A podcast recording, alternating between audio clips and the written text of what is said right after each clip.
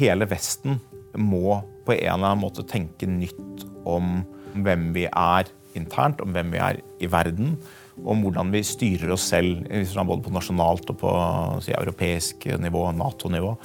Eh, så har vi åpenbart at liksom, utfordringen vi står overfor i dag, er av en helt annen art enn det var før, og det må få konsekvenser. Velkommen til Toyes time.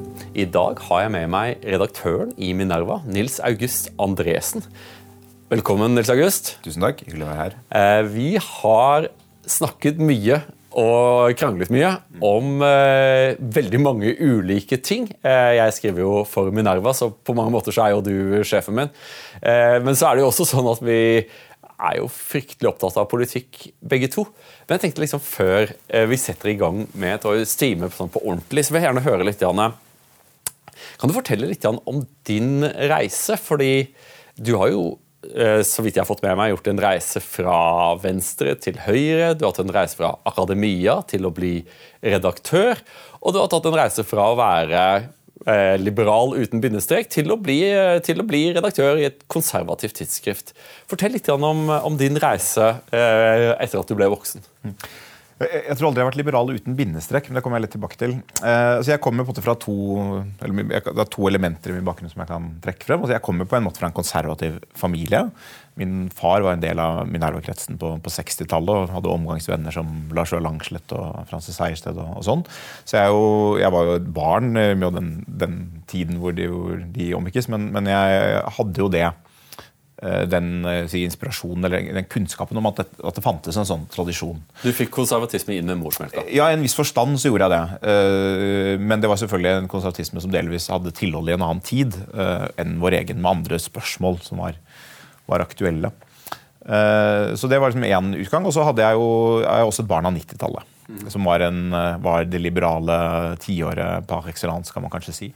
Så um, jeg husker jo jeg husker ganske godt at jeg hadde et slags ungdomsopprør. Jeg var sånn 17-18 år før, min, før, jeg skulle stemme min første stortingsvalg. Og jeg liksom hadde en slags tanke om at jeg skulle stemme på SV. Jeg var opptatt av omfordeling og klima og global rettferdighet og sånne spørsmål som man, som man gjerne er i den alderen. Ja. I og for seg hele livet, men man endrer kanskje litt syn på hvordan man møter det. Og så nærmet valget seg, og så skjønte jeg liksom at jeg var egentlig ikke enig med SV i, i noen ting. Og endte opp med liksom beskjemmet å stemme Venstre ved det valget. Da er vi i 1997. Jeg er jo far, og man uroer seg mye for barna. Jeg er jo redd for at, jeg, at barna mine også skal stemme Venstre på et eller annet tidspunkt. Så. Men, jeg, jeg, men jeg tenker liksom at uh, man, man, liksom, Du må ikke avskrekke dem, for da kommer de i hvert fall til å gjøre det. tenker jeg da. Ja, Men, men det, det, jeg skjønte ganske fort, det var at jeg var et, Etter det da, så hadde jeg ganske tydelig at, at jeg var, hadde mange liberale impulser, men at det på en måte var uh, utilstrekkelig. Så den bevisstheten hadde jeg hele tiden at det trengtes en bindestrek til det liberale. Og jeg prøvde meg med forskjellige bindestreker. Okay. Så, så, den første bindestreken jeg prøvde, var jo da sosialliberal. Jeg okay. var med i noe som het Sosialliberalt forum, som var uh, jeg vet ikke hva Det var, men det var en slags organisasjon eller gruppe på siden av Venstre, men knyttet litt til partiet Venstre, men ikke helt. Mm. Så var det sånn intellektuelle akademikere og sånn eh, på begynnelsen av 2000-tallet. Var dette en Liblab-gjengen? Det var, eh, det var ikke det samme, ja. det var kanskje litt overlapp. Ja, okay, okay. Jeg var ikke i Liblab per se. Eh, så det var en sånn, jeg skjønte ikke at det er, noe i det liberale, med, med, med, det individualistiske i det liberale, som blir for individualistisk for meg. Det er noen, noen kontekster og noen sammenhenger som ikke blir ivaretatt av den altså som jeg forestilte meg liberal tradisjon. Men så tok det ikke så fryktelig lang tid jeg, så tok noen år da, men før jeg byttet ut dette sosialliberal med liberal-konservativ. Jeg skjønte at det lå i den konservative tradisjonen så lå en, en avgrensning av det liberale mm. som ivaretok flere av de hensynene jeg var opptatt av. Og så etter hvert som jeg på en måte var ble mer komfortabel med konservatismen, mm. så, så, så, føler jeg vel at det liberale er ivaretatt i en viss forstand uten bindestreken også. Men, men når det er sagt, så, så, er det ikke noe tvil om at den konservative tradisjonen jeg står i, er er den konservative tradisjonen som går tilbake også til liberale tenkere. Så det er jo den burkianske tradisjonen som kan peke tilbake til John Locke og osv. Som, ja, som den, har stått sterkt i Norge. Det er jo den tradisjonen som står sterkt i, i Høyre. Vi, hvis vi går tilbake ti år i tid, så skrev jeg en artikkel i Aftenposten som er, som er 'Hvor er det blitt av de konservative?' der jeg påpekte at den konservative avisen eh, Aftenposten har ikke en eneste konservativ kommentator. Og så hadde jeg en infam eh, kommentar om at eh, Minerva, hvor du da var redaktør, kunne kalt, kun kalles konservativt dersom konservativt var synonym med liberal. Eh, men jeg synes å ha sett en, en endring i, i, Minerva eh, over de siste årene. Eh, og det kan jo være to forklaringer på det. Enten så har Minerva endret seg, eller så har, har verden endret seg. Hvordan ser du på det?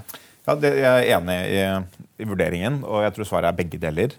Um, så Det handler jo litt om at, den, eh, at man kom ut av dette liberale tiåret, det unipolare øyeblikket og liksom Vestens hegemoni og, eh, og, jevn fremgang på alle fronter. Det var opplevelsen. Det var selvfølgelig ikke sant hvis du går og ser på verden under ett. Så skjedde jo mange tilbakeskritt og mange, mange, vanskelige ting. Men i Norge var det opplevelsen.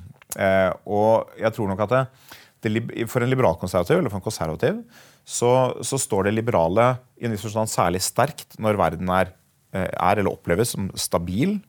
Um, og man må huske på at det, Hvis du tenker på den tidsalderen som kom før, da, var det på mange måter den sosialdemokratiske tidsalderen som var liksom, gjennomregulert, hvor verden var stabil, og hvor utfordringene var forstand innenrikspolitiske i et stabilt og fungerende system, men et ganske rigid system. Uh, med, hvor, hvor, man opplevde dette er jo høyrebølgen, hvor man opplevde at det er behov for mer frihet. Eh, det er, eh, det er, flere som har påpekt måte, den, det skiftet fra en verden som var ganske stabil, til en verden som var mye mindre stabil. Eller helt nye typer utfordringer som det liberale ikke løste like bra. Og mm, jeg leste har jeg glemt hva den boka het, selvfølgelig, men en bok om, eh, om Edmund Burke. hvor Burke og, og, også Adam Smith og, og, en til, tror jeg, kanskje David Hume, beskrives som i utgangspunktet policy-liberale men polity-konservative. Og det siste har forrang fremfor det første. Og det, Da jeg leste det, jeg at det var en beskrivelse jeg kjente meg veldig igjen i. At mine normale policy-instinkter er eh, ofte ganske liberale. Men jeg er mye mer, det, det er mye viktigere å bevare eh, det institusjonelle rammeverket og de kulturelle eh, forutsetningene for det liberale demokratiet enn enhver spesifikk policy. Så hvis de kommer i konflikt, så blir jeg raskere konservativ. Torbjørn Røe Isaksen påpekte når han snakket om konservatisme, så liksom det konservative for meg er jo det er å være forsvarsspiller. Da. Det er også å hindre eh, at skadelige ting finner sted. Det er, et, det er, ikke et, mål om en, et utopisk samfunn, det overlater vi til kommunister og, og hyperliberalere. Men grunnholdningen altså Hvis man skal spille, hvis man skal spille på andre banehalvdelen, eh, så er det vanligvis liberale ting vi står for. Eh, vi står med ytringsfrihet. Vi tror på markedet eh, som, som den beste regulator, og det, den type ting. Ja, det, det, er, det, er, akkurat det. og jeg tror noe av Det som har skjedd, altså det, er to ting som har skjedd, sier som har skjedd i verden eller Minerva. Det ene er at akkurat det jeg sa nå, er på en måte blitt veldig mye tydeligere for meg. Altså det er tydelig for meg at jeg, jeg, jeg, er veldig mye mer opptatt av å bevare disse grunnleggende eh, rammeverkene og forutsetningene enn hva er konkret policy. Men det er klart at det er også blitt tydeligere for meg fordi jeg opplever verden, og vår del av verden eh, som mer ustabil. Eh, og jeg opplever at det er spenninger internt i våre samfunn som er eh, annerledes enn de var før, kanskje større enn de var før. Eh, og som gjør at det er blitt mye viktigere å fokusere på den biten. Så, så, det er helt åpenbart at jeg har dermed, eh, i noen konkrete policy-saker, men også liksom i tilnærming til politikk, så har jeg vektlagt den konservative siden som, som fantes før. Uh, men som ikke alltid opplevdes som, som presserende. Jeg har vektlagt den mye sterkere. Og det, og det er en prosess som har gått du, du, du har merket det de siste årene, og det, det, det forstår jeg. Men uh, det er nok en prosess som i en viss forstand har gått kontinuerlig egentlig siden finanskrisen. Mm. Uh, at det var liksom et startpunkt. Og også innvandringsdebatten vi hadde i Norge i både innvandringsdebatten i 2008-2009, da det var høye innvandringstall, og så um, norske uh, norske delen av karikaturstriden som kom i 2010. da vi hadde en liten runde her, hvor Minerva var involvert. Du hadde en del sånne, sånne, ting, og så har det liksom ballet på seg med, med flyktningkrise og brexit-diskusjoner og Trump og korona og alt mulig rart. Som, og, nå krig, som har gjort at det liksom, bevare det grunnleggende, det åpenbart Men så, Som intellektuell så ser jo jeg deg som en person som er ganske opptatt av å, eh, å få andre med deg. Eh, liksom du, du, skriver ofte ganske langt, men også nyttig. Eh, av at, eh, og det er noe som, eh, som jeg tror eh, er veldig fint å ha i ordskiftet noen som forsøker å gi motparten, hvem det måtte være, rett i det som de har rett i. Eh, så Være sindig, ikke være urimelig, liksom. Og så heller ikke forsøke å dra ting for langt til høyre, men forsøke å, å etablere en ny, en ny, konsensus som kan tiltrekke seg et, et flertall. Er det en måte å lese deg på? Eh, ja, det, det, det, er nok det. Og det, når du sier det sånn, så er det dels Det er jo omtrent sikkert sånn det er, det er og omtrent sånn jeg kanskje en viss er motivert, samtidig som det jo dessverre er ganske utopisk. Altså Man får jo aldri noen med seg. I hvert fall ikke, hvert fall ikke ordskiftet i de sosiale medier. Men, men det, er nok riktig det at jeg, jeg, er opptatt av å finne ut hvilke posisjoner som kan være, være noe mer enn en markering. Eh, og det ligger jo liksom i dette, i dette med politikonservatisme. at jeg, det å fremme en posisjon, enten det er din primærposisjon, eh, eller det er noe du gjør liksom for å skape rabalder eller bruduljer, det er enda mindre hensiktsmessig når Eh, landet allerede er polarisert, og, utviklingen på det er krevende. I alle fall. Men jeg tenkte jeg kunne legge til også at Det er også noe som har kommet i noen grad underveis. Jeg har alltid vært veldig opptatt av det. Jeg husker jeg også har lært opp til å liksom si at man skal eh, anerkjenne motpartens argumenter. Både fordi det er the right thing to do, det, det er eh, hederlig å gjøre, men også fordi det er fornuftig for å kunne vinne over Eh, noen. Og så ser man ut i den store politiske verden, så er nok ikke det alltid sant. Altså Donald Trump han overbeviste ikke velgerne ved å si jo, John Biden har nok, Biden har nok også noen gode poenger, men her er mine motargumenter. Altså da, I politikken så er det ofte at du henvender deg til din klan ved å, ved å tegne et veldig stygt bilde av motspilleren, og gjerne med fullt bruk av stråmenn og alt mulig rart. Men i den offentlige samtalen som jeg opererer i, så tror jeg nok at det kan være nyttig å, å både gi motstanderen legitime poenger og, og, erkjenne de stedene som er krevende. og sånn. Men, men, jeg skulle si at det er også en, jeg har endret meg litt i den, og spesielt kanskje relevant til det vi snakker om nå. Altså, hvor var det jeg kom fra? Hvorfor var det jeg var veldig liberal, fremsto som veldig liberal si, eh, rundt 2008 og, og tiden, kanskje i tiden etter også.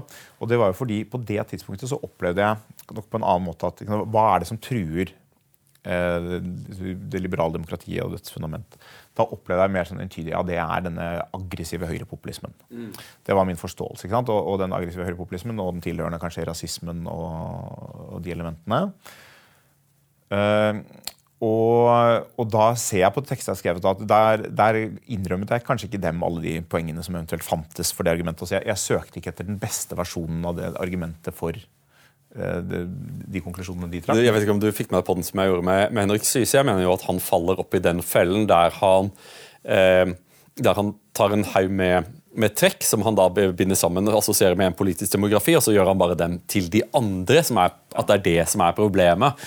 Eh, mens, mens, jeg vil jo si at eh, den nye høyresiden, og det har jo, har jo, jeg ment i mange år, er at uh, vi bør behandle dem som alle andre. Det som er uakseptabelt, er uakseptabelt. Uh, uansett om det kommer fra høyre, venstre eller fra midten. Uh, og så er det sånn at vi lever i demokratier. Av og til det er ingen som har patent på sannheten. Det er faktisk godt mulig at god politikk og, og, gode perspektiver kan komme fra partier fra den nye høyresiden også.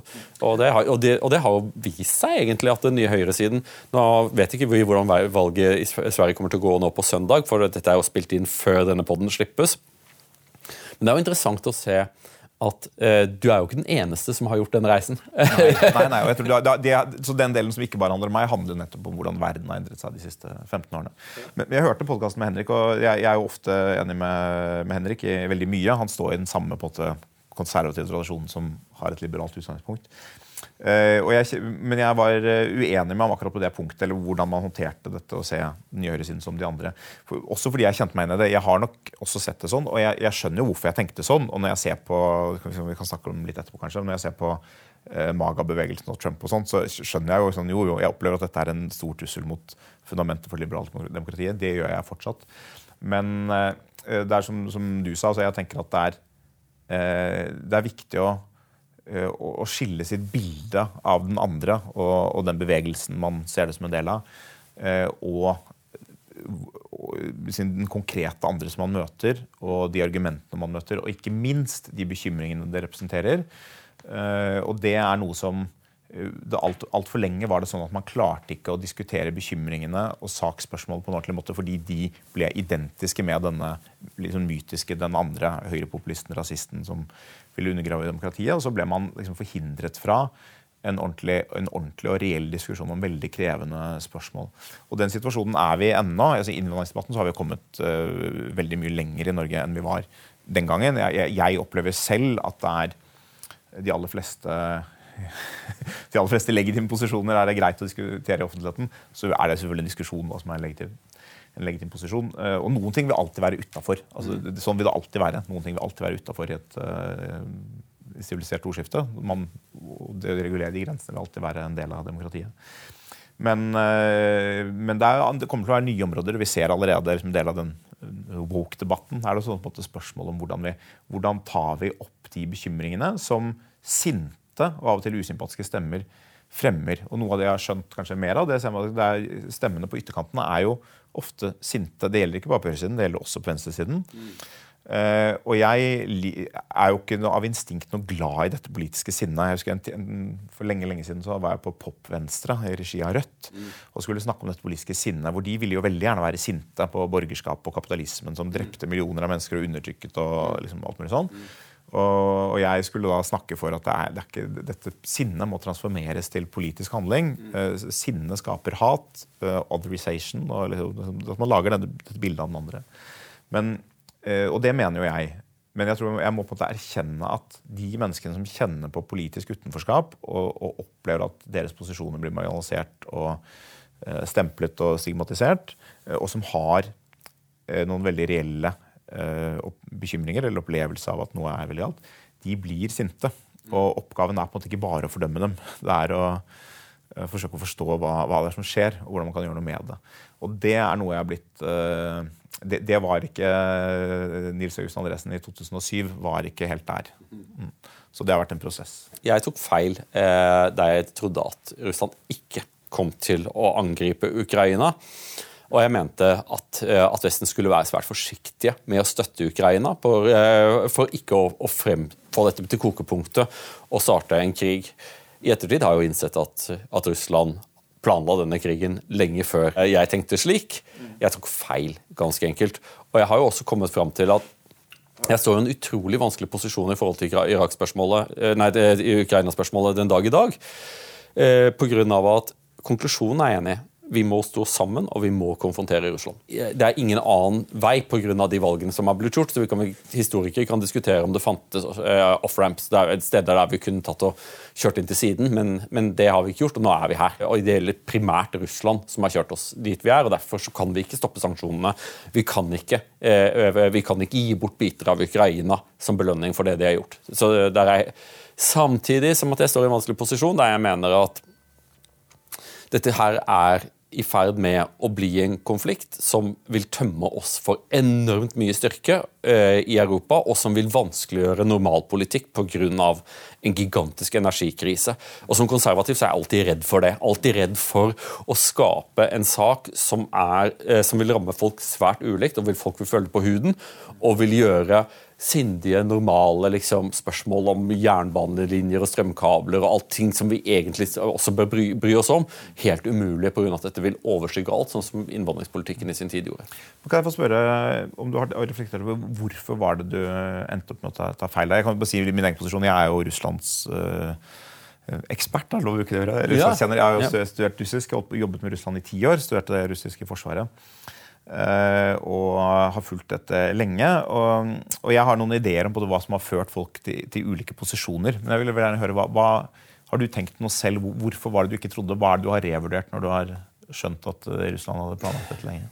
Det er jo sånne ting som er farlig å snakke om. ikke sant? Men saken er at Ukraina hadde tre provinser hvor over 75% av befolkningen var etniske russere. Eh, det er det er vrient og vanskelig. Det er vrient og vanskelig for alle land som er i den posisjonen, om det hadde vært Mexico og USA eller andre.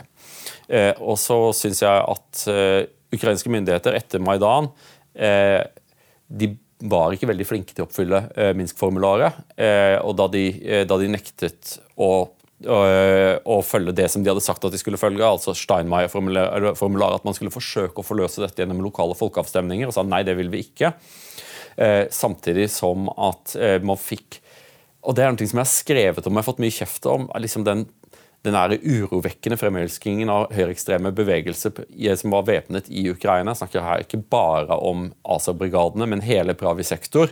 Eh, som Jeg har jo vært i Ukraina et dusin ganger. Eh, og det er En av de tingene som virkelig slo meg, var at man hadde folk eh, som var åpenbart høyreekstreme, som hadde våpen og som ikke var under statens kontroll. Det, til, det gjorde meg urolig.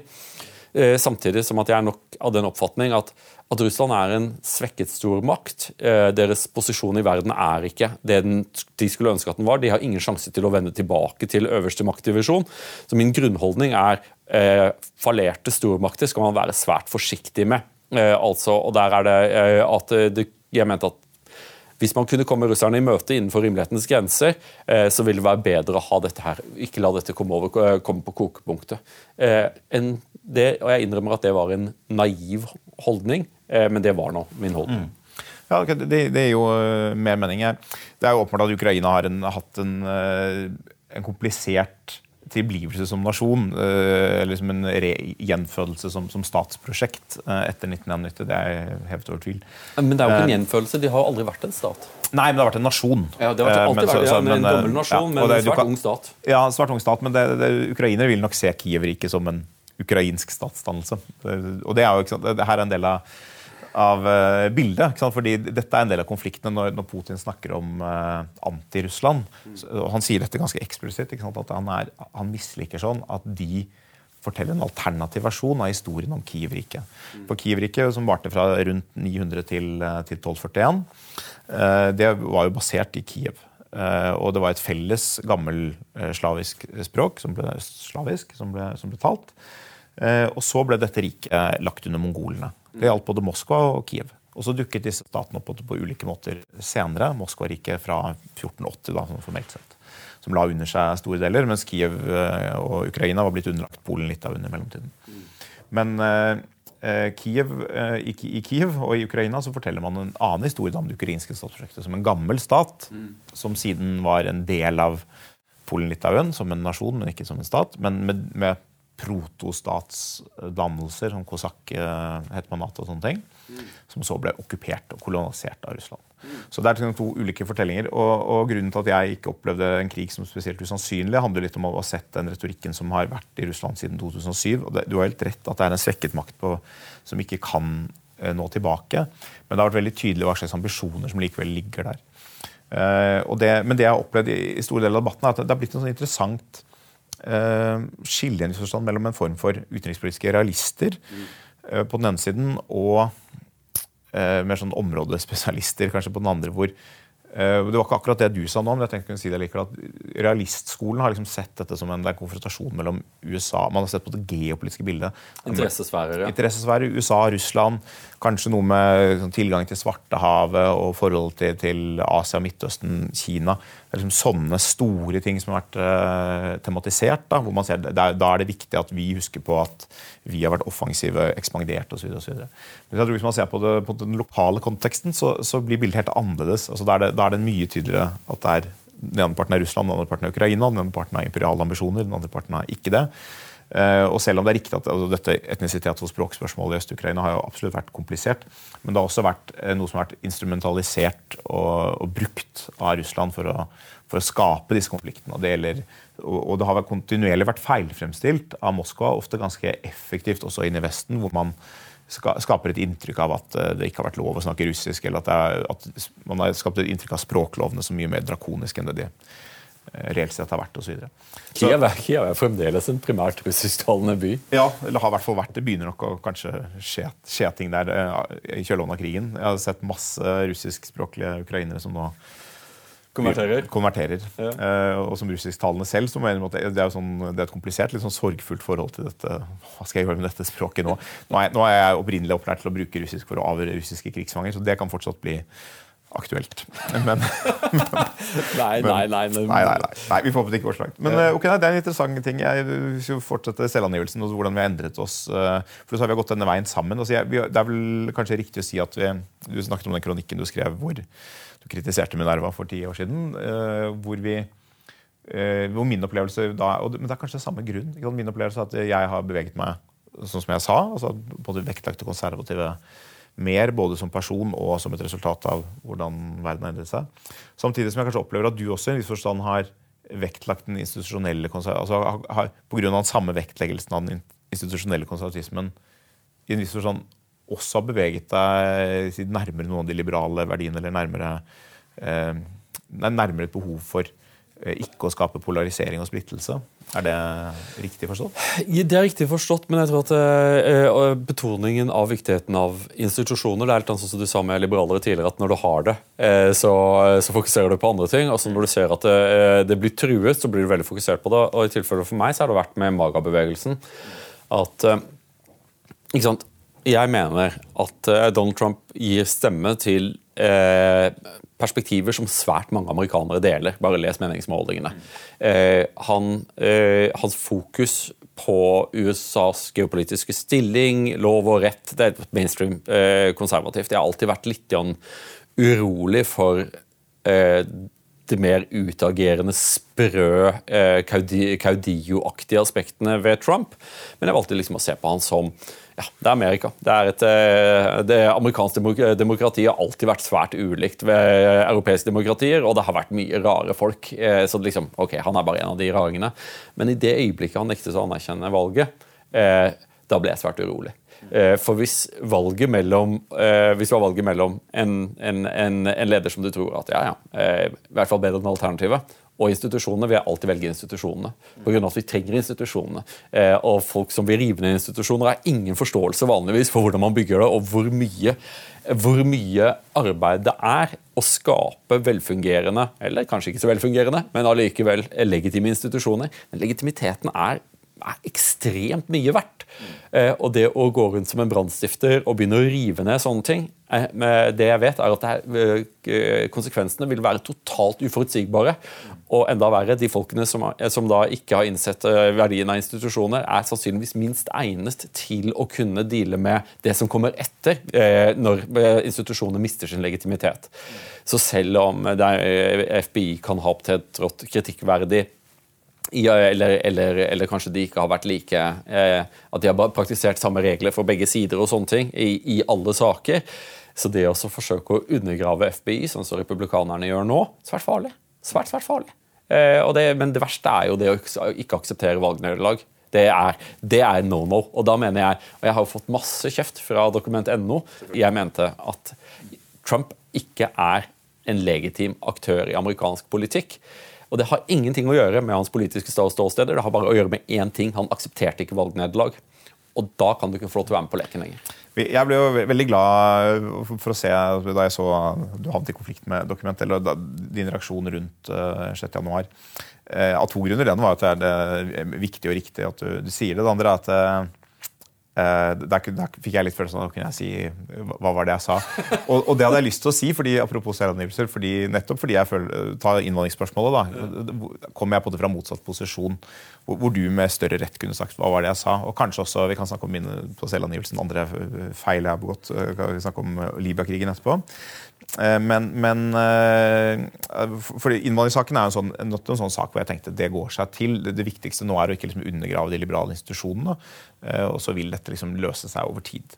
Og så så jeg ikke helt sprengkraften i, i saken og, og, legitimitetskrisen som fulgte med. Så det er en av, og den undergraver institusjonene. Det er det vi har sett litt i, i Sverige og andre steder. Og i i viss forstand også. Det er den type fenomener som fører til et fenomen som Trump.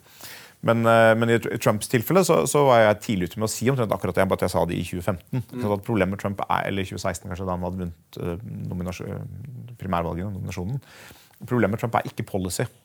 Og Det er sånn som blir, blir, litt forkludret ofte i den offentlige debatt, og spesielt selvfølgelig i den amerikanske politiske debatten. at eh, Demokratene er jo veldig mot alt hans policy, og fremstiller det som på en måte fascisme. At han er for en mur, eller sier 'America first', eller vil Eh, andre ting og tang, spesifikke policy-ting. Ja, reforhandle NAFTA, som ja, plutselig liksom sånn... blir som en hellig, en hellig gral som ikke kan endres ved. Selvfølgelig kan så, ja. handelsavtale reforhandles. Ja, og det ble på en sånn, Uansett hva Trump var, var for, så var folk var demokraten mot. uansett hva han var mot, for. Sånn fungerer jo amerikansk politikk generelt, på begge sider ofte, men det ble veldig, det ble veldig ekstremt. Og med Trump ble det også sånn at folkemeningen svingte i takt med hva Trump mente. så når han var mer positiv til Russland, ble republikanerne mer positive til Russland. Demokratene ble mindre positive positiv til Russland. Hver Enhver sak han gikk inn i, ble Han ble saken. på en måte.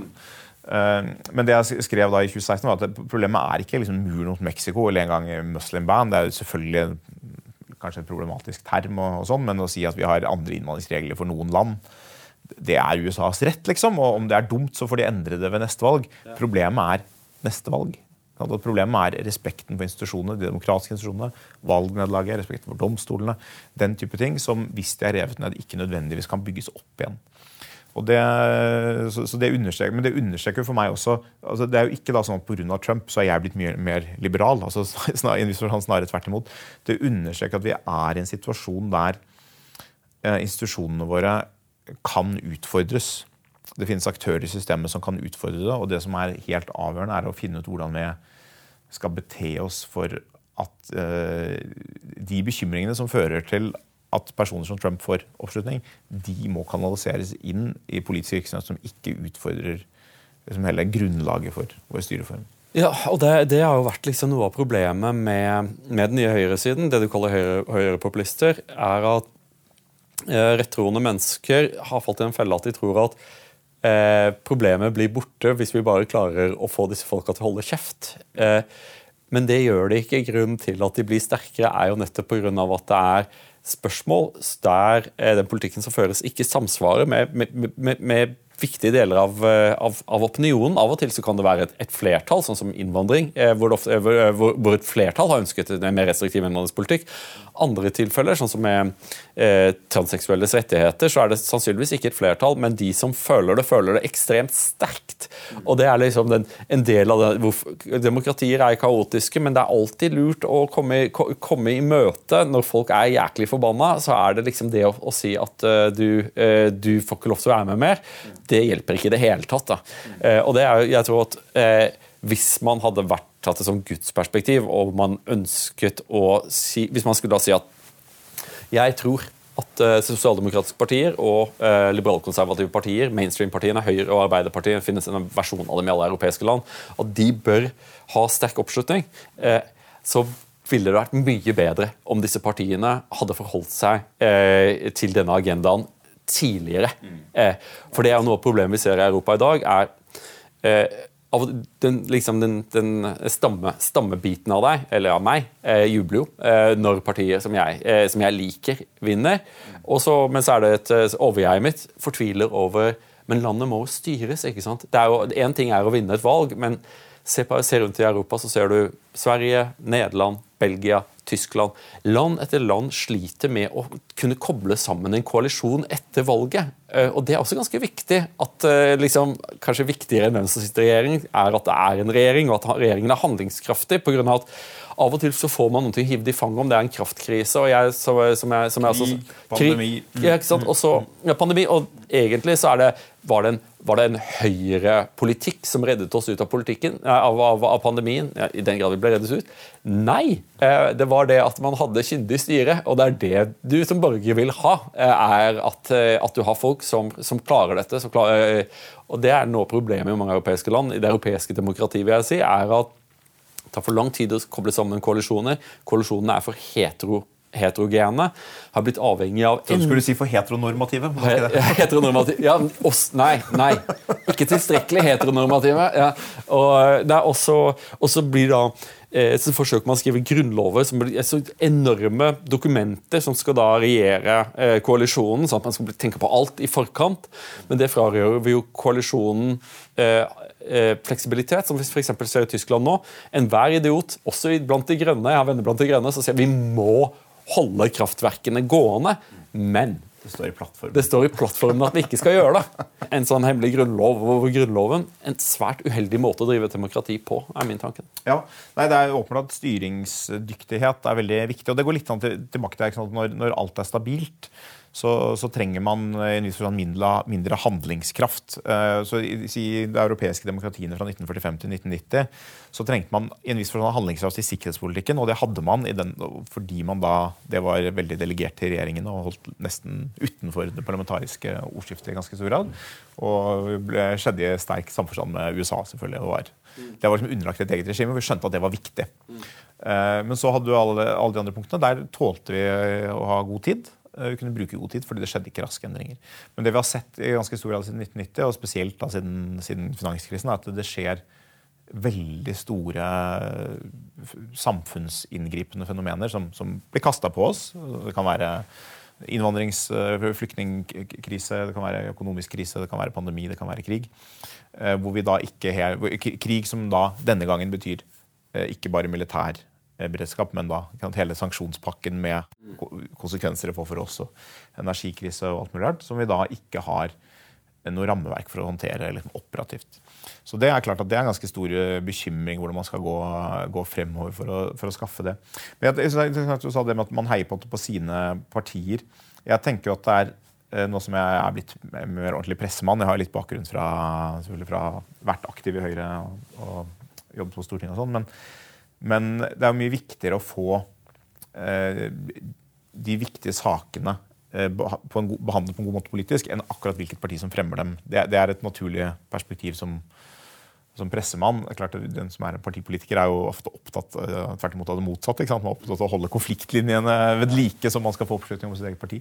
Men det, det, klokeste er jo om de store styringspartiene i Europa klarer å fange opp disse sakene. Og vi, vi ser jo litt hvordan det har, har skjedd f.eks. i Danmark, hvor, hvor, disse, hvor hele kulturkrigen i forstand er absorbert Eh, jevnt ut, nesten jevnt utover blant partiene. Du har jo fått eh, fragmentert noen nye, flere sånne nye høyrepartier. som du kaller dem. Eh. Men Kan jeg få ta skyte inn der? For det, Jeg synes, jeg, jeg synes å se en sånn interessant eh, utvikling i Skandinavia når det gjelder sosialdemokratene. På grunn av at De danske sosialdemokratene, nå også de svenske sosialdemokratene, ligger jo milevis til høyre for de norske sosialdemokratene. Det er ganske sånn historisk ganske uvanlig, for de norske sosialdemokratene har tradisjonalt eh, befunnet seg mellom Sverige og Danmark eh, på en eller annen måte. Det at disse to har på, på viktige områder som innvandring, lov og rett i konservative saker. For det finnes konservative sosialdemokrater. Eh, så ikke egentlig lenger til høyre, men i mer konservativ, I mer konservativ retning, ja. ja. Ja. ja, det er jeg enig i. Så, så det, du kan si, Sverige så vet vi ikke ennå. Sverige er spennende å se. Det er et veldig spesielt eh, land hvor men, men uh, hvor lov og orden jo er kommet veldig hardt inn. Men hvor man ikke helt har koblet det på liksom, innvandringsdebatten. Ja, men for, Folk vet ikke det, for eksempel, at I Sverige så er strafferammene for alvorlige forbrytelser er jo milevis over det de er i, i, Norge allerede nå, før valget. Og etter valget så har det jo blitt gjort løfter på begge sider om om innstramminger som er, som er, så harde at det begynner å støte opp imot selv mine liberale Ja, det er jo eh, type straffer som, vi, som, i Norge nok ville blitt uh, ja, men det, så, så, som, så, At jeg begynner å stille meg sånn rettssikkerhetsspørsmål uh, uh, i forhold til Du? Jeg vet. Jeg, vet, jeg, er, like, jeg er like sjokkert som deg. altså, ja. F.eks. automatisk utvisning av lov, lovbrytere. Kan du utvise lovbrytere som da på en eller annen måte enten ville ende opp uten, som statsløs ja. i et annet land, eller uh, med, med, stor sikkerhet vil forfølges i det landet. Uh, det, er, det, er, et paradoks, det er vanskelig. vi har, Svenskene har kanskje vært altfor liberale i den, i, i den, ene retningen, men så er det jo alltid faren for at man går over veien og tryner ned den andre grøfta og innfører ting som er kjempeproblematisk fra et humant ståsted. Nå, nå, hopper vi litt her, men det er kanskje lov. Eh, jeg, til min selvangivelse var det et punkt jeg glemte. På, på, denne Fra å bevege seg fra et mer sånn prinsipielt liberalt til et mer pragmatisk syn. Et av de områdene handler om rettigheter og menneskerettigheter. Ja. Med, hvor uh, Jeg husker at en tidligere artikkel jeg skrev, het 'Gledelig demokratiforakt'. Ja. Og Det var en dom i EMD mot Norge, den europeiske menneskerettighetsdomstolen, om et politisk TV-reklame. Norge ble dømt for å ha totalforbud mot politisk TV-reklame fordi det var i strid med ytringsfrihet. Eh, og Jeg var ikke så veldig opptatt av saken, men jeg var opptatt av at eh, det var viktig å støtte opp om legitimiteten til den domstolen. Da. Det var liksom mitt eh, anliggende. og og den skulle jo ikke bry seg om hva Trond Giske mente. For Trond Giske var da ute og sa hvorfor skal noen dommer fra Aserbajdsjan liksom bestemme her. Helt enig med Trond. Eh, og jeg var da uenig med, med Trond. Eh, men i ettertid så har jeg, så har jeg, jeg mener fortsatt at det er viktig å bevare legitimiteten til MD. Men jeg mener at det, det er veldig viktig at EMD eh, holder sine dommer innenfor det som er politisk legitimt. Eh, og det eh, altså så, I hvert fall nesten alltid. For, at man, hvis det er noe veldig viktig, skal ha legitimitet til å si stopp. Ja, for De skal ikke være politikere, ikke sant? de skal ikke være policymakers. og Det er alltid faren når man da, de skal dømme ut ifra noen ganske abstrakte menneskerettigheter. Eh, griper dypt inn i eh, nasjonale demokratiske tradisjoner. Et, et, sånn klassisk eksempel er at Britene sier at hvis du, er, hvis du, sitter i fengsel, får du ikke stemme i valg. Eh, fordi at du har mistet, Det er, det er som de gamle Hellas, nesten. ikke sant? At du, nå har du mistet borgerrettighetene dine. og det, det, at du sitter i fengsel, er bare én måte å manifestere på det. Du får ikke lov til å være med og bestemme hvem som skal styre. Men da kommer EMD inn og sa det mot menneskerettighetene. Ikke sant. Så, og, og det, er sånn, det, er, det er en blanding at I mange av disse tilfellene så tenderer jeg kanskje mot å være enig policymessig. Være på det, kanskje enig i politisk TV-reklame. Jeg mente i hvert fall, nå, nå, er jeg usikker, men at det antagelig var ok. Det var noe forskning på det i Norge som viste at det spilte ikke så stor rolle. Det ville ikke ha den pengeeffekten som hadde i USA. Jeg tenkte at dette kan vi antagelig tåle. liksom. Og så, Sammen med folk i fengsel. Jeg mener at de bør ha stemmerett. Men jeg mener jo også at det er viktig at ikke politiske spørsmål som eh, legitimt er politiske, løftes ut av politikken. Og så er det hele tiden selvfølgelig en diskusjon hva er det som er legitimt politiske spørsmål. Men, men opplevelsen at det rommet har blitt innsnevret, eh, er kritisk i den situasjonen vi er i nå. At, at hvis mange mennesker på tvers av Europa får en opplevelse av at stadig flere spørsmål løftes ut av det de legitimt kan snakke om. At politikerne bare henviser til en domstol, eller at liksom, ingen, ingen, har noe politisk ansvar for noe av det som skjer. Og spesielt en situasjon der eh, den eh, rettstilstanden som det da er bundet opp av, er sånn, utilgjengelig for nasjonal politikk. En grunnlov kan du alltids endre, ikke sant? Men, mens EMD er veldig LMK er veldig uhåndterbart fra et sånn nasjonale ja, så, altså, Fanken heller liksom, da må se på amerikanske høyesterett. Liksom. Hvem er disse dommerne, da? Som jeg mistenker at det er bare venstreradikale og ytterliggående liberalere som er blant disse dommerne. Vi vet ingenting om dem. Bortsett fra at vi vet at uh, i EU-domstolen, så hvis man forsøker å nominere en konservativ, så blir de avskilta med en gang. Uh, så saken er at er det sånn at man skal da få 10-12-18 uh, liberalere som skal, eh, som skal, gripe, som gir seg selv retten til å drive politikk. Jeg tror MD er i og for seg blitt oppmerksom på det problemet og forsøker å adressere det. Og norsk høyesterett har jo veldig altså der har vi jo, Det er sikkert sånn mange liberale som sitter der, men det er, det er, vi har klart å avpolitisere prosessen så mye de, som det er mulig. Men det er fordi de er så utrolig forsiktige, og det er derfor de så, har den legitimiteten. er at de, de, vet hva som hører under Stortinget, de vet hva som hører under regjeringen. og Du så det f.eks. i dette søksmålet, klimasøksmålet. Så sa de nei. Det var klokt. Det er helt riktig. Det der hører ikke hjemme på vårt bord. Eh, ta, så, ta det til politisk parti, vinn valg, gjennomfør det gjennom regjeringen. Good luck. Det er, det er nettopp det. Men jeg, jeg, ble minnet om da du snakket om rettssikkerheten i Sverige. fordi Jeg er også opptatt av rettssikkerheten. Må, altså jeg er opptatt av rettigheter. Eh, det er en del av hele denne eh, institusjonbasisen som har ligget under det vestlige demokratiet fra 1700-tallet og frem til i dag. Eh, men det å finne balansen i det og hva det skal omfatte, det er det har jo alltid vært et viktig spørsmål, og det fremstår for meg som kanskje enda viktigere i dag. At man klarer å eh, håndtere spørsmål sånn at ikke, eh, det ikke blir rettslørt på problematiske måter. Og Det er jo på en måte da, det å utvisning av eh, forbrytere i en viss forstand fra kriminelle. Det er jo et eksempel på det. at det er, vi, vi, må ikke havne i en situasjon der altfor mange opplever at det er den eneste løsningen. Eh, for på et annet, det man må huske på med rettigheter er at ingen, altså ingen rettigheter kan, er eller kan være absolutte. I en krisesituasjon så vil alle Eh, kompromisse med i hvert fall mange rettigheter. Uh, og, og, Noe av det helt sentrale er å, å minimere antall sånne krisesituasjoner hvor det må settes på spissen.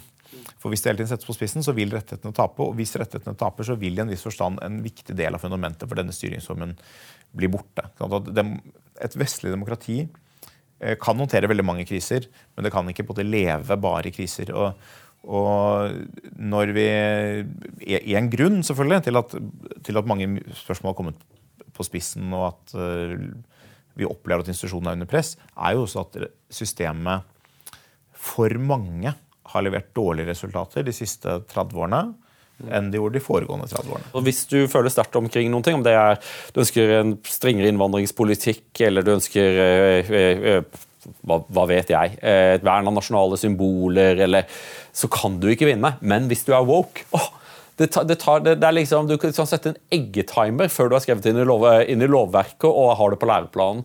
Og Det er noe som jeg tror skaper en, en mistro i brede lag, der det ser ut som at det er enkelte som har en langt kortere vei til makten og politikken enn andre. Ja, la oss snakke litt om, om woke. Det er jo en interessant eh, sak. Eh, kan vi først si litt om Nå, det er jeg som intervjuer deg. La oss snakke la, Men jeg var jo. Stopp litt nå. La oss snakke litt om woke. Ok, Jeg vil egentlig snakke om fotball, men hvis du sier det, Asle, så kan vi snakke litt om woke. Eh, Begrepet er jo interessant. Eh, Det er jo sånn, eh, Hvis du følger venstresiden på Twitter Du gjør kanskje ikke det. Men der Jeg er er, ikke på, jeg er ikke på Twitter. Det er bare for hatefullt. Jeg blir, for, er opp, jeg blir altfor oppbrakt. Men, men nei, det er mye kritikk av selve begrepet. At selve begrepet woke er en slags sånn høyrepopulistisk hersketeknikk for å de- delegitimere, diskreditere eh, nødvendig progressiv maktkritikk. Eh, Jeg så, det, jeg så det var mange som ble sure da jeg skrev om uh, det nye Rings of Power uh, og, og, spurte om Tolkien har blitt woke.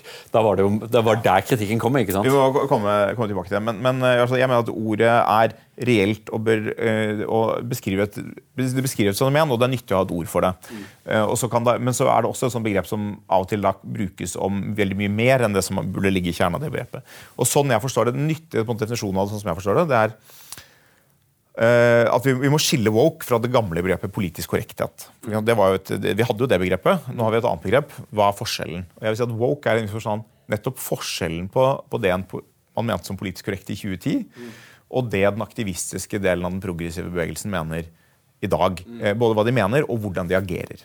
Så det, Da handler dels om, eh, måten aktivismen skjer på, enten det er i form av en form for kanselleringskultur eller i hvert fall en mye tydeligere aktivisme. Og så er det også noe med standpunktene på en del saker som er blitt mye mer utrerte. I 2008 kunne det være ganske progressiv å si jeg var tilhenger av kjønnsnøytral ekteskapslov. og det det var et viktig fremskritt. Nå skal vi se hvordan det går. Det, det, det er bra. Er progressivt. Noen vil si ja, politisk korrekt, du må fjerne Men nå er det sånn hvis du sier uh, uh, menn kan ikke føde barn, så kan det være et vesentlig problem i woke-kretser. Det var ikke et problem i, i 2010. Så det har vært en endring i saker. Det har vært også en endring i sant, begrepsbruk. White privilege. Eh, måten, det, det, var, det er et fenomen som ikke er nytt, selvfølgelig, men måten det forstås på som en sånn total eh, ramme for å forstå vestlige samfunn, for eksempel, det er en ny utvikling. Og, og del av disse tingene Utrolig ska skadelig. ja, ja, noe av dette er, er, skadelig. Det mener jeg også. Og, og hele, som fenomen, det, selve, selve kjernen av woke, det er en eh, Det er, er negativt. Eh, men så er det sånn at dette, det er liksom ordet nyliberalisme som eh, høyresiden alltid avviste at liksom var noen ting. Ingen definerte seg som nyliberal. Ingen definerer seg som woke. Eh, men ordet nyliberalisme fanget jo en trend allikevel. Men det var veldig vanskelig å pinpointe akkurat hva det var. Så Mye av kritikken mot nyliberalisme var jo egentlig kritikk av liksom alt man ikke likte. Og det er det som alltid skjer med woke også, at liksom alt man ikke liker, blir woke. Eh, ting som tidligere man ville kalt liberalt eller progressivt eller eh, politisk korrekt eller hva som helst, eh, blir også på en måte woke, som det er en del av en større Men, du, men, du, ting. men sånn er jo politikken. ikke sant? Det er, jo, hvorfor er våpen så viktig og bibler så viktig i amerikansk debatt? Det er jo ikke på grunn av at det er så mange som bryr seg om våpen og bibler. De som har våpen, vil ha, våpen, har allerede våpen, og de færreste leser Bibelen. Men det er jo for dette er et symbol, ikke sant? og det er jo det som er også med woke, om at eh, transer i Hamar kirke, eh, som leker Jesus i, i Hamar kirke, isolert sett ikke et veldig stort problem. Du, er- du er kristen, jeg er kristen. Eh, ingen av oss eh, syns at det er veldig problematisk.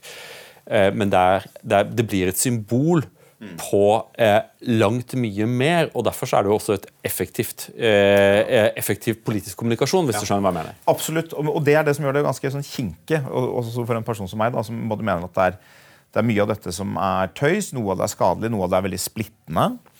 Eh, Men noe av det er også viss helt legitimt. og Jeg kan ta to eksempler. Det ene er eh, disse statussakene i USA. Noen av disse statussakene er helt sånn helt historieløst absurde. Eh, skal rive ned Thomas Jefferson. Altså det, det liksom, altså, gjerne diskutere Jeffersons forhold til slave, slaveri og slaver. Det er jo en åpenbart legitim politisk debatt. Men det å liksom, rive ned nasjonens fedre fra statuer, det begynner å liksom bli Ja, De gikk etter George Washington også. ja, de gikk etter, Lincoln ble også tatt ned på et punkt. Liksom. Så det er sånn, det er, eh, da, da, forstå, dels så er det bare en veldig dårlig forståelse av historien. Dels så er det også sånn ok, men da river du dette samfunnet som du lever i nå, i to. Ikke gjør det. Men så har du andre statuer. Som, uh, ta en statue en som heter eh, Nathan Bedf uh, Forrester Bedford, tror jeg, hvis jeg skulle ha det riktig. En sørstatsgeneral som var aktiv slavehandler. Uh, han jobbet altså som, som, slavehandler og var en stor slaveeier. Uh, ideologisk ekstrem. Uh, general under krigen og unrepentant etter krigen. Det ble reist en stor statue av ham i Memphis. Jeg tror det var rundt 1900, kanskje litt senere. Nettopp når, når reconstruction var, ble, ble avsluttet, og hvite segregasjonister kom til makten i sørstatene etter Eh, etter borgerkrigen. Og ble brukt som et symbol på hvit makt. Eh, og, og var forstått som det. Og dette var da et svart område hvor svarte skolebarn gikk forbi dette monumentet her og skulle se på det på vei til skolen. Det ble revet for et par år siden. Og det er en viss forstand øh, Og det var selvfølgelig masse motstand mot det. Og det er, sånn, det er, noe av det som gjør det vanskelig. Hvis man som anti-woke må si nei, nei, nei, vi må jo forholde oss til historien. Kan ikke, kan ikke drive og rive ting. Bortsett fra Lenin og Stalin, og sånn, som alle var enige om at måtte rives.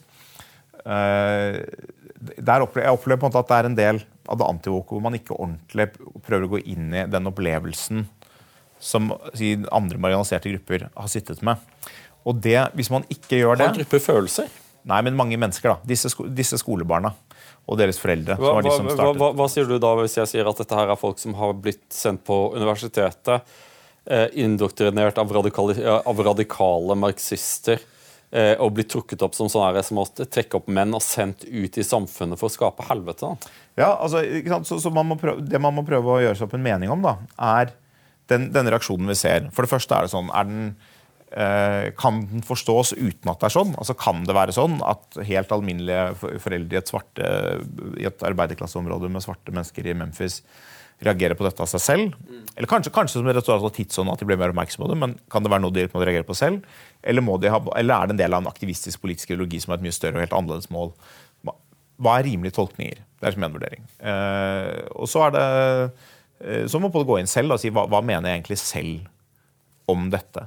Og jeg, mener både at den type ting det, det, Jeg mener at det er helt forståelig at uh, man reagerer på dette. her. Og det, og det jeg også er bekymret for, er hvis den antivoke både delen av befolkningen motsetter seg alt som i en viss forstand er helt legitimt, så vil man også tape kampen mot det som er illegitimt.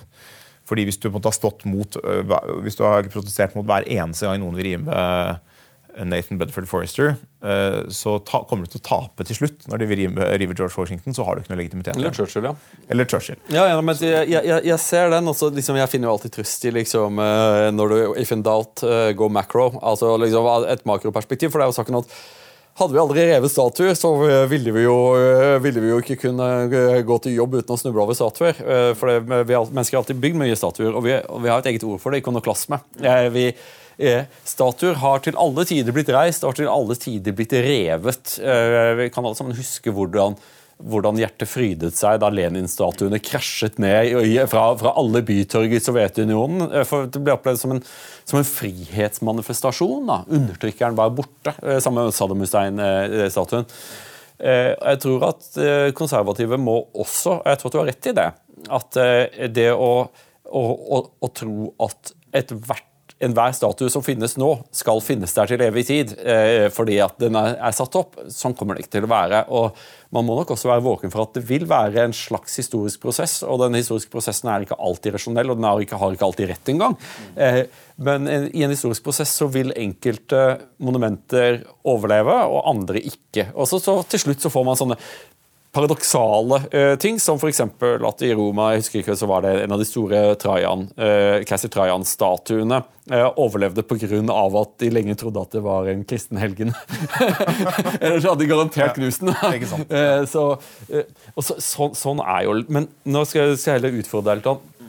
En av de liksom største brytningene for at Minerva er jo et sted som under ditt lederskap har vært ganske flink til å invitere inn Eh, det politiske sentrum, la oss si det på den måten. da. At eh, liksom, de, Den sinte høyresiden og den venstre, sinte venstresiden de har funnet eh, andre arenaer, men, men, du har vært ganske sånn velkommen og var ganske høvisk. det synes jeg. Men det var én sak eh, der jeg, det ble helt opprør innad i, eh, liksom, i kommentarfeltet på Minerva, og folk ble skikkelig sinte. og Det var en artikkel der en av dine, eh, en av dine eh, kommentatorer skrev til fordel for woke, og ganske udelt til fordel for woke også. Hvordan opplevde du den striden? For det var ikke du som skrev den. og vi skal Nei, det, var, ikke, det, var, det var tidligere kulturdirektør uh, Ingebjørg Syver Larsen. Det, det tror jeg hun står for. Uh, ja, den, den, jeg tror ikke hun selv ville si at den var udelt for woke, men den var, en sånn, den var på en sånn woke er ikke så farlig. Her er det noen andre perspektiver. Jeg kjente ørene ja. begynte å brenne og det begynte å banke ja. inni, inni, hodet mitt mens jeg leste den. Jeg ble, jeg ble, så sint. Jeg gikk jo ikke inn i trådene og sånne ting. Jeg er veldig sjelden i tråder. Jeg bare tenkte fanken dette. Jeg, kan si først, altså, Minerva, jeg tenker at Minerva skal åpenbart måtte ha uh, sånne tekster. og det andre perspektivet. Altså, noe av det som jeg synes er viktig, er at disse perspektivene må kunne være i dialog. Uh, altså, ikke alle perspektiver må være i dialog hele tiden, men jeg tror, la oss si, si på, måte, på høyresiden, uh, på den brede høyresiden så fins folk som er, mener at woke er den store trusselen, og det fins folk som mener at woke ikke er så farlig. Og Hvis de gruppene ikke er i stand til å snakke sammen, mm. så fins det heller ikke noen høyreside. Så Det er, liksom, det er, sånn, det er ett perspektiv på det. Og det andre er at eh, for, jeg tenker for Minervas lesere så er det også, for meg er det viktig at vi, at vi klarer å utfordre hverandre på de spørsmålene som er i tiden. Ikke fordi, ikke fordi utfordreren alltid har rett, men fordi uh, vi lever en, i en uh, offentlighet som i kulturkrigsspørsmål er, har tendenser til polarisering. Mm. Og dermed har den også tendenser til at man leser ekkokammeret. enten, Ikke fordi det ikke, ikke fins andre stemmer, men man oppsøker sine egne. Liksom. Så det å det å ha ulike perspektiver synes jeg er viktig. Og vi jo, fikk jo svar på den artikkelen fra, fra, flere som kritiserte den. Men, men jeg, jeg forst, sånn som jeg, jeg plages jo ikke så mye av eh, at det er litt sånn kontrovers. Eh, men sånn som jeg tolker det analytisk altså det, Noe av det som skjer, er det er et emosjonelt spørsmål som ligger under. Som er uh, hvor, hvor, stor er trusselen fra woke som politisk fenomen i dag sammenlignet med andre trusler? Det, du skal ikke si klima, vær så snill. Nei, nei, ikke si klima. Nei, nei, nei, holder, nei for det, det, føler jeg separat. Altså, det blir mer sånn innenfor kulturkrigsfeltet i en viss forstand. Ja, ja. Uh, hvor stor er trusselen fra woke versus trusselen fra maga? Det er på en måte hvis du, Den emosjonelle valensen Og Du kommer til å få det, så, til å få det veldig vondt. for det, så, så det er god sjanse for at maga kommer til å, uh, å sette inn neste, neste amerikanske presidenten. Jeg vil si det er overveiende sannsynlig. Ja, så, så, man, så Derfor er det på en måte spørsmålet hvordan er det ved hvor redd er du for det ene versus for det andre? Det påvirker i ganske stor grad hvordan du tolker begge fenomenene. Men nå skal jeg ta og sette deg litt på, på pinestolen her. For jeg, jeg, tror at, uh, at, du tenker at, uh, at woke er litt sånn oversolgt. At det er, ikke, det er ikke så farlig. Dette er ting som, som refererer til litt ganske sånn perifere ting. Veldig viktig for de som, som, er opptatt av slikt, men for samfunnet som helhet så er det mulig å overdrive dette. Det er mulig å overdrive, ja. det er det. Mm. Eh, men så har du da eh, det, det problemet det er, Henrik Thune hadde et veldig sånn godt bilde i en kronikk han skrev for 15 år siden, der han sier liksom at man har konstruert noen ting som en rotor, og så, øh, og så, øh, men da helikopteret tar av, så begynner bladene å løsne, og så klasjer de med hverandre. Og Det skjer av og til. sånn som for nå har en sak i Irland der eh, en lærer har blitt satt i fengsel fordi han nektet å, eh, å, snakke, å referere til en, eh, en, elev som det motsatte kjønnet enn det eh, eleven har biologisk. Dette, veldig, dette, setter oss i en veldig vanskelig posisjon pga. at eh, det er Jordan Petersens poeng om at stater har ingen rett til å og med lov kreve eh, å forme språket. Du har ikke the compelled speech, som det heter. Du kan ikke påby tale. Det, det, det driver vi ikke med. ikke sant? Samtidig som at hatlover, eh, som vi har innført for å, for, å, for å, verne om minoriteter primært, eh, kan også eh, føre til at andre minoriteter, eh, og denne mannen er en evangelsk kristen, har en religiøs overbevisning, sier at dette her eh, er et religiøst spørsmål for meg. Jeg kan ikke annet. Eh, og plutselig står vi i en kjempevanskelig posisjon. Eh, og Det er vel også det, det er noe av de av oss som er veldig skeptiske til woke, eh, påpeker at når man begynner å komme den gjengen der i møte, så skaper man eh, mekanismer som vil føre til enorme overgrep litt senere. Hvis når, når, når, da, når da ja, hatlover kolliderer med en velmenende 'du er den du er', eh, det må du få lov til å være, eh, og så legger man lover på for å vise hvor inderlig man mener det. At eh, hvis du, hvis du, Nils August, sier at du er Nilsa Augusta, eh, så skal, jeg, så skal jeg erkjenne at du er en kvinne i morgen, liksom. Fun fact. Uh, jeg, er jo, jeg, har alltid tenkt at jeg er oppkalt etter min tippoldefar, som het Nils August Andresen. Men vet du hva hans mor het? Nilsine Augusta. Ni ja. Så det, Så det, det, er, det er der navnet kommer fra.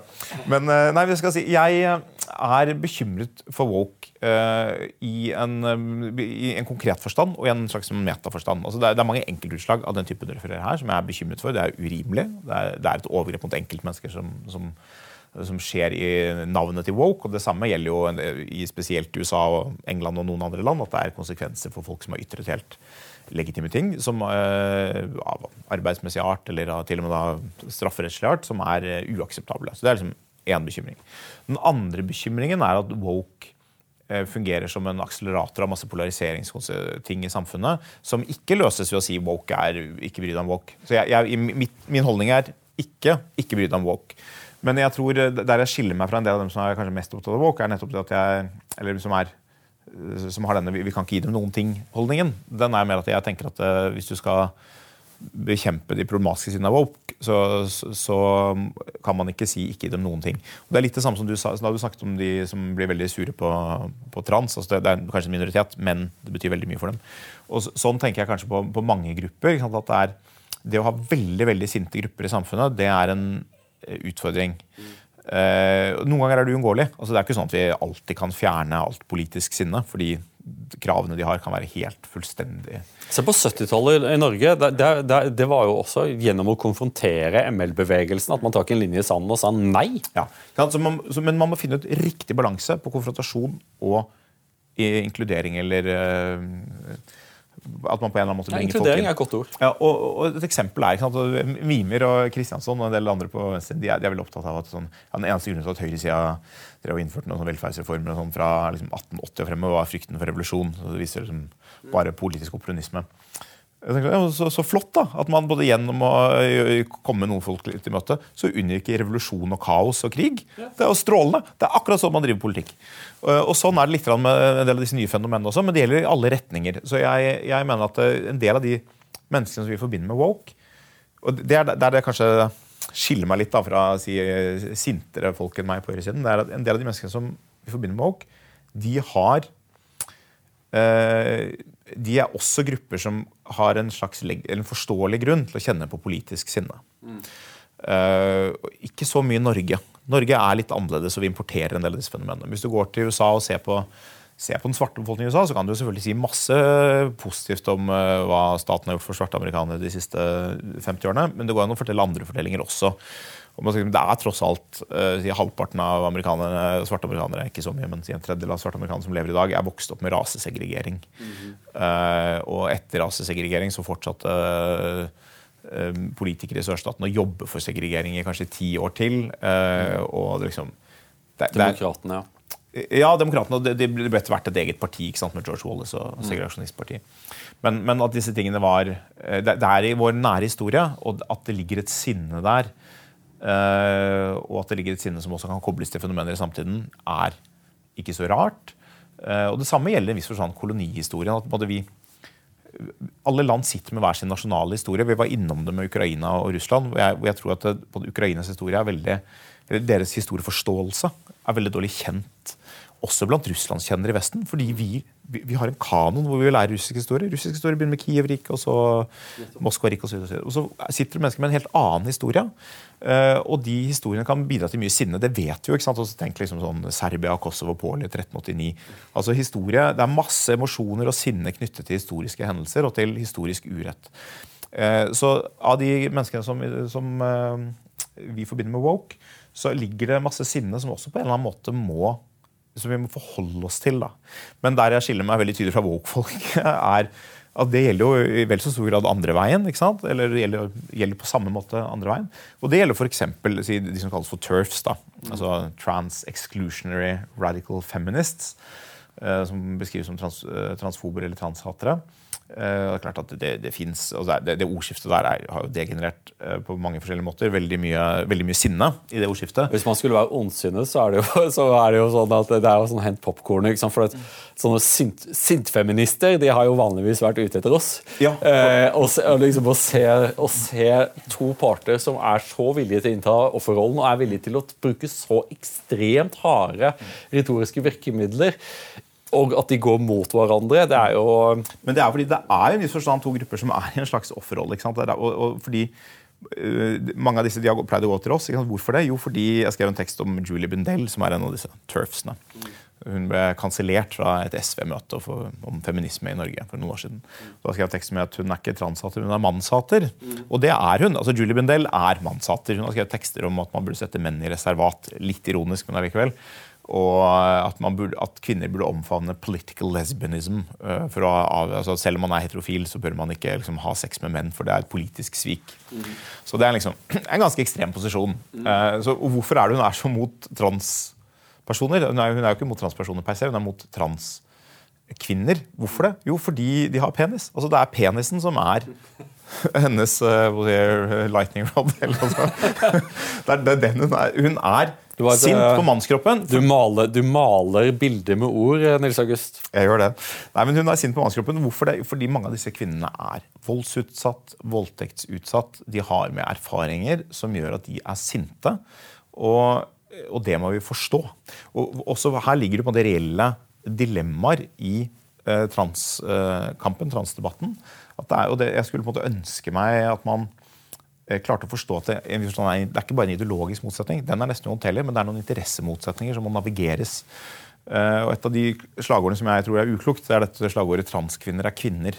For det er så globalt at det er nesten umulig liksom, for den andre siden da, uh, komme noen vei. Men slagordet Nei, For det eneste svaret er jo nei, det er det ikke. Ja. Og da, vi, da, da, da, ikke, da, er det jo ikke noen, noen mulighet til å kunne på, se at her er det en minoritet som faktisk har lidd veldig veldig mye. Det er, det er, det er knapt noen minoritet som har blitt dårlig behandlet. Trans, transer i fengsel. ikke sant?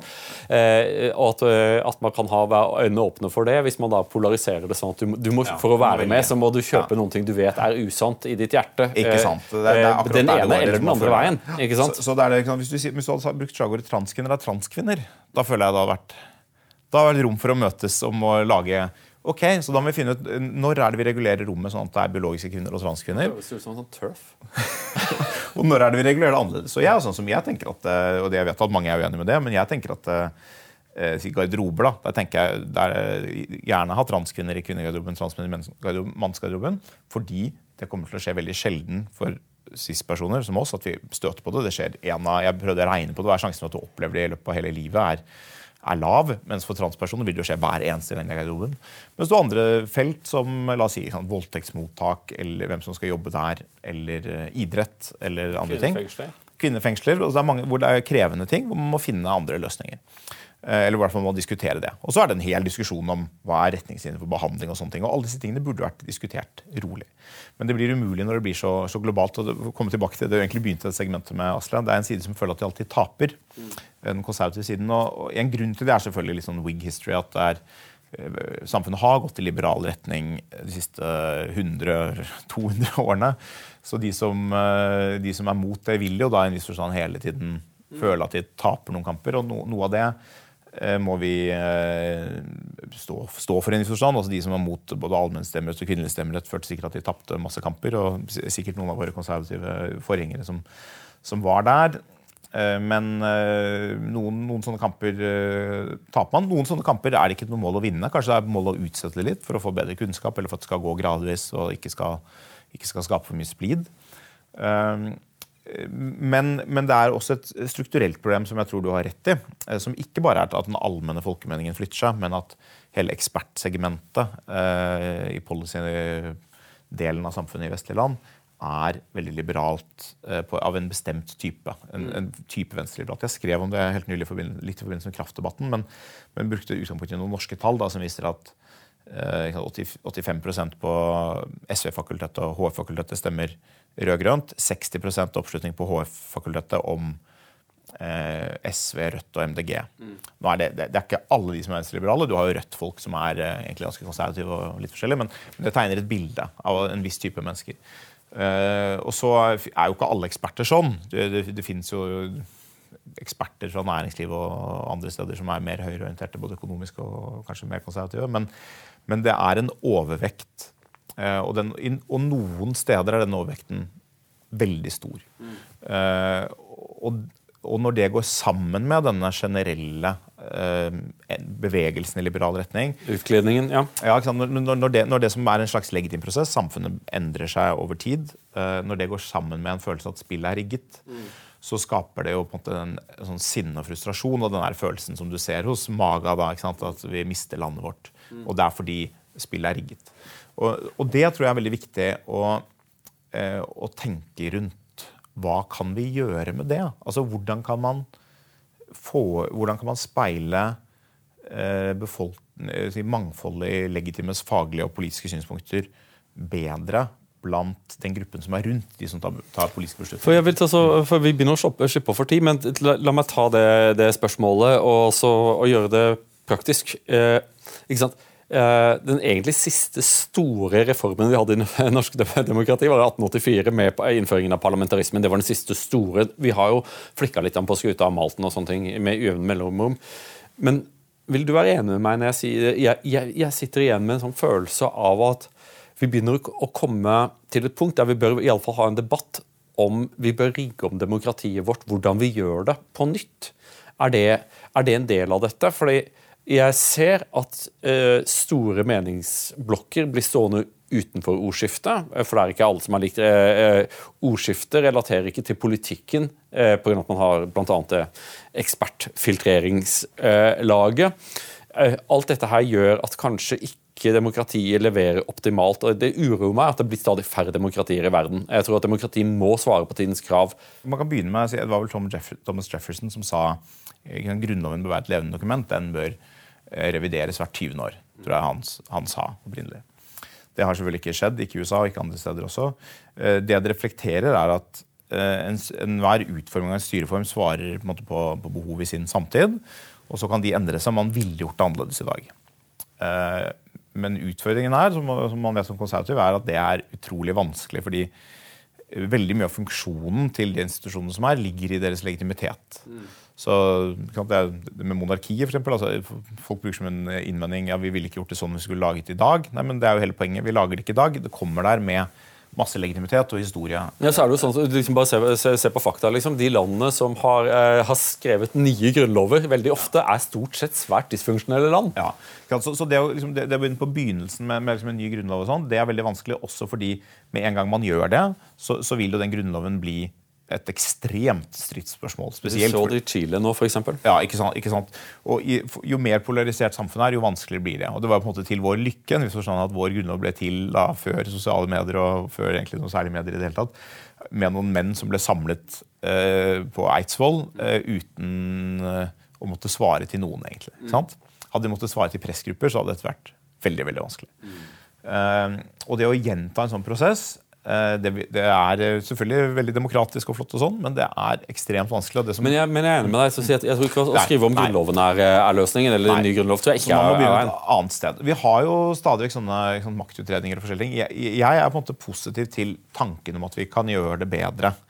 Uh, og jeg er positiv til å tenke rundt la oss si sånn som, uh, hva, gjør vi med at det er så skjevt uh, på ekspertnivå?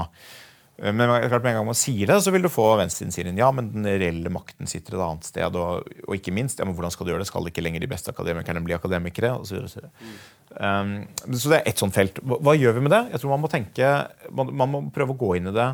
Prøve å ta bort liksom altfor politiske siden av seg selv, som føler seg Men Kan jeg bare ta så hoppe inn? for det, det, du, du, du, sa et ord der som jeg tror kanskje kan være et sted å, å lande trenger vi en ny maktutredning, ganske enkelt. Even Østerud eh, presiderte over maktutredning som den siste, som ble levert i, i 2003. Eh, før det så var den forrige maktutredningen var i 1982, så vidt jeg husker. Så er, vi har maktutredninger da tydeligvis hvert 20. år. Nå er vi jo litt på overtid, nesten. Ja. Ville det være en løsning, tror du? Også, også, at, også sette sammen en gjeng med kloke mennesker og se på tilstanden i det norske demokrati? Ja, altså En sånn utredning må ha et riktig og fornuftig mandat. Jeg tenkte på det da Ytringsfrihetskommisjonen ble nedsatt, fordi den hadde et veldig rotete mandat med elleve forskjellige ting den skulle utrede. tror jeg. Uh, den har kommet med noen forslag, men det, men det er ganske håndterlig. Men du har, noen, du har, noen, endringer på ytringsfeltet som har ganske stor betydning for demokratiet. Nettopp, som nettopp handler om hvem som slipper til, og hvem som føler de burde sluppet til. Uh, og hvordan det påvirker den politiske prosessen, som har endret seg ganske mye. Og så Oppå det så har du et endret forhold til internasjonale organisasjoner og rettsliggjøring, som var en stor del av den forrige maktutredningen, uh, som uh, er veldig krevende. Så Det kan godt hende at vi kunne trengt en sånn, en sånn type utredning for å, for å, se hva man kunne gjøre. Jeg, jeg tror nok at vi Jeg tror at hele, hele Vesten må på en eller annen måte tenke nytt om, om mange ting om, om, hvem vi er internt, om hvem vi er i verden. Om hvordan vi styrer oss selv både på nasjonalt og på si, europeisk nivå, Nato-nivå. Eh, så har vi åpenbart at liksom, utføringen vi står overfor i dag, er av en helt annen art enn det var før. Og det må få konsekvenser. Men det er veldig vanskelig å veldig, Den broen er veldig vanskelig. Det å endre, Du har et system som har hatt veldig høy legitimitet, og som har høy legitimitet. Og vi er nødt til å bevare legitimiteten for ikke å ende opp i kaos. Hvordan endrer du de institusjonene som ikke er helt tilpasset? Eh, det er eh, en ja, stor utfordring. Det er en stor utfordring, men jeg tenker jo at det var der det er jo derfor vi startet med det vi kaller NOU-er i Norge. Eh, for å, for, å, for å, drøfte de store spørsmålene som egentlig er litt for store for politikken. Eh, der du faktisk trenger å ha at må, sakskunnskapen må bli lagt fram. Altså at, at, folk som kan dette, forklarer hvordan det henger sammen. og sånne ting. Jeg ville f.eks. vært enig ved åpen for å diskutere sekundærstemmer. Det er en, måte, det, liksom det, er, det er en liten ting. Altså at du har én primærstemme. Jeg stemmer på et parti. Det er det land som har gjort. Ja, ja. Og, og det, det, det, er, et lite inngrep som kan øke legitimiteten og kan gjøre demokratiet litt mer finmasket i forhold til at man får se hvor folk egentlig står. Er du på høyresiden av Høyre, eller er du på venstresiden av Høyre? Er du på høyresiden av Frp? Liksom. Eh, eh, men, jeg, men jeg, jeg, jeg, tror at tiden liksom er moden for dette. For den, den maktutredningen til, til Østerud, jeg gikk tilbake og leste den det som liksom, Man kan uh, sikkert mye å diskutere der, men uh, det er utrolig interessant lesning eh, 20 år senere. Hvor godt den traff. de problemene de, de, pekte på, er problemer som har manifestert seg i veldig klare farger siden ja. de skrev det. Utfordringen er jo litt at Det er nettopp det at den traff veldig godt. Det vil si, vi har ikke klart å adressere helt de utfordringene den tar opp. Så det er, det er jo så, så ja, Men fader, vi lever jo i et demokrati. Forventer du endring også? Nei, men det, liksom, det, er noe utfordring. Må, hvordan lager du noe som det er mulig å gjennomføre? Vi hadde jo en stor grunnlovsreform i 2014 som, som, ikke inneholdt noen ting. Det var bare altså, noe, men det var mye fluff. De skrev jo menneskerettighetene inn i Grunnloven. da. Ja da, de gjorde det. ikke Så, og det er en egen diskusjon, og det var klokt, men det var, det var liksom, i en viss forstand bare sånn det, vi, Stortinget forutsatte at dette er status quo, og så kan man diskutere om det var riktig eller ikke, men det var ingen ambisjoner om egentlig å endre systemet i noen vesentlig grad. Men spørsmålet er om man skulle hatt en ambisjon om å gjøre endringer i systemet. Og Norge er jo bedre rustet enn mange land i den forstand at vi har vist en evne. Vi har fortsatt den evnen til å si at, at til og med SV, eh, og i hvert fall til og med Høyre, og noen ganger til og med Frp, er med på sånne systemreformer. Det er ganske ja, det er unikt. Fortsatt, ja, det er ganske unikt. Ja, det er ganske unikt. Ja. Så, og det å på en måte ha, en, du kan si, når jeg sa at man, man må ikke gjennomføre noe sånn impolarisert tid, det kunne egentlig vært et ganske godt argument for å si at vi, vi bør gjøre dette nå. Jeg tenker det. Før det krasjer enda mer. Ja, for det, mens, mens, man fortsatt har muligheten for at for partier... Tenk å dette i USA, liksom. Ja, også Sånne prosesser i en polarisert tid vil føre til at alle parter vil forsøke å rigge systemet til sin egen fordel. Eh, og, og, eh, eller iallfall kunne mistenkes for å ville det. Og Derfor er det viktig å gjøre det når det er lav polariseringsgrad, sånn som vi takk og lov har i Norge så tror jeg at det er nå tiden er moden. Da, for Jeg er helt sikker på at, at du vil ha en del innspill. Iallfall være villig til å delta i en del av debattene. Andresen-utvalget, ja, det er mm, det, ja, Andresen-utvalget. Nå er du, nå har du, nå, nå, nå. Ja, ja, er du allerede brandname. det, da håper vi at det er mange, mange beslutningstakere som ser på denne denne podkasten. Nei, jeg, tror det kunne være det, det, er ting å ta opp der. Uh, og det, du kan si, Jeg er alltid sånn skeptisk til å nedsette utvalg bare for å gjøre det. Uh, og det er, mange utvalg som er litt sånn. De er ikke egentlig intendert at de skal følges opp veldig kraftfullt. Uh, så det jeg tror det man trenger for å få til, er at politikerne må sette seg ned i en sammen og prøve å definere at de er enige om noen systemutfordringer. Helt enig blir man ikke. Får man venstresiden til å være med på at det er et problem for ytringsrommet, at akademia er er venstre, for eksempel. Det er ikke uten videre lett å få til. Men, men, at man kan være enige om at det er eh, at det oppstår et politisk sinne som et resultat av en demokratisk debatt som eh, ulike grupper er misfornøyd med, f.eks. Altså det, noen sånne ting kan man være enige om, og så kan man bli enige om å utnevne folk til et sånt utvalg som og det fins, som nyter respekt på, på, tvers av det politiske spekteret. Vi kan komme opp med tre-fire navn som, som, som, ville fungere eh, for både sentrum høyre og sentrum venstre. Eh, det vil alltid være folk på ytterkantene som vil være misfornøyd med mindre de får eh, sin leder mer eller mindre. Men det vil de ikke få. Eh, Nils August Andresen, eh, det har vært en utrolig morsom samtale. det er jo sånn at Vi har jo hatt en del av disse samtalene, men vanligvis ikke med kamera og båndopptaker. Tusen takk for at du kom på Torjus time. Jeg håper at vi kan gjøre dette igjen snart.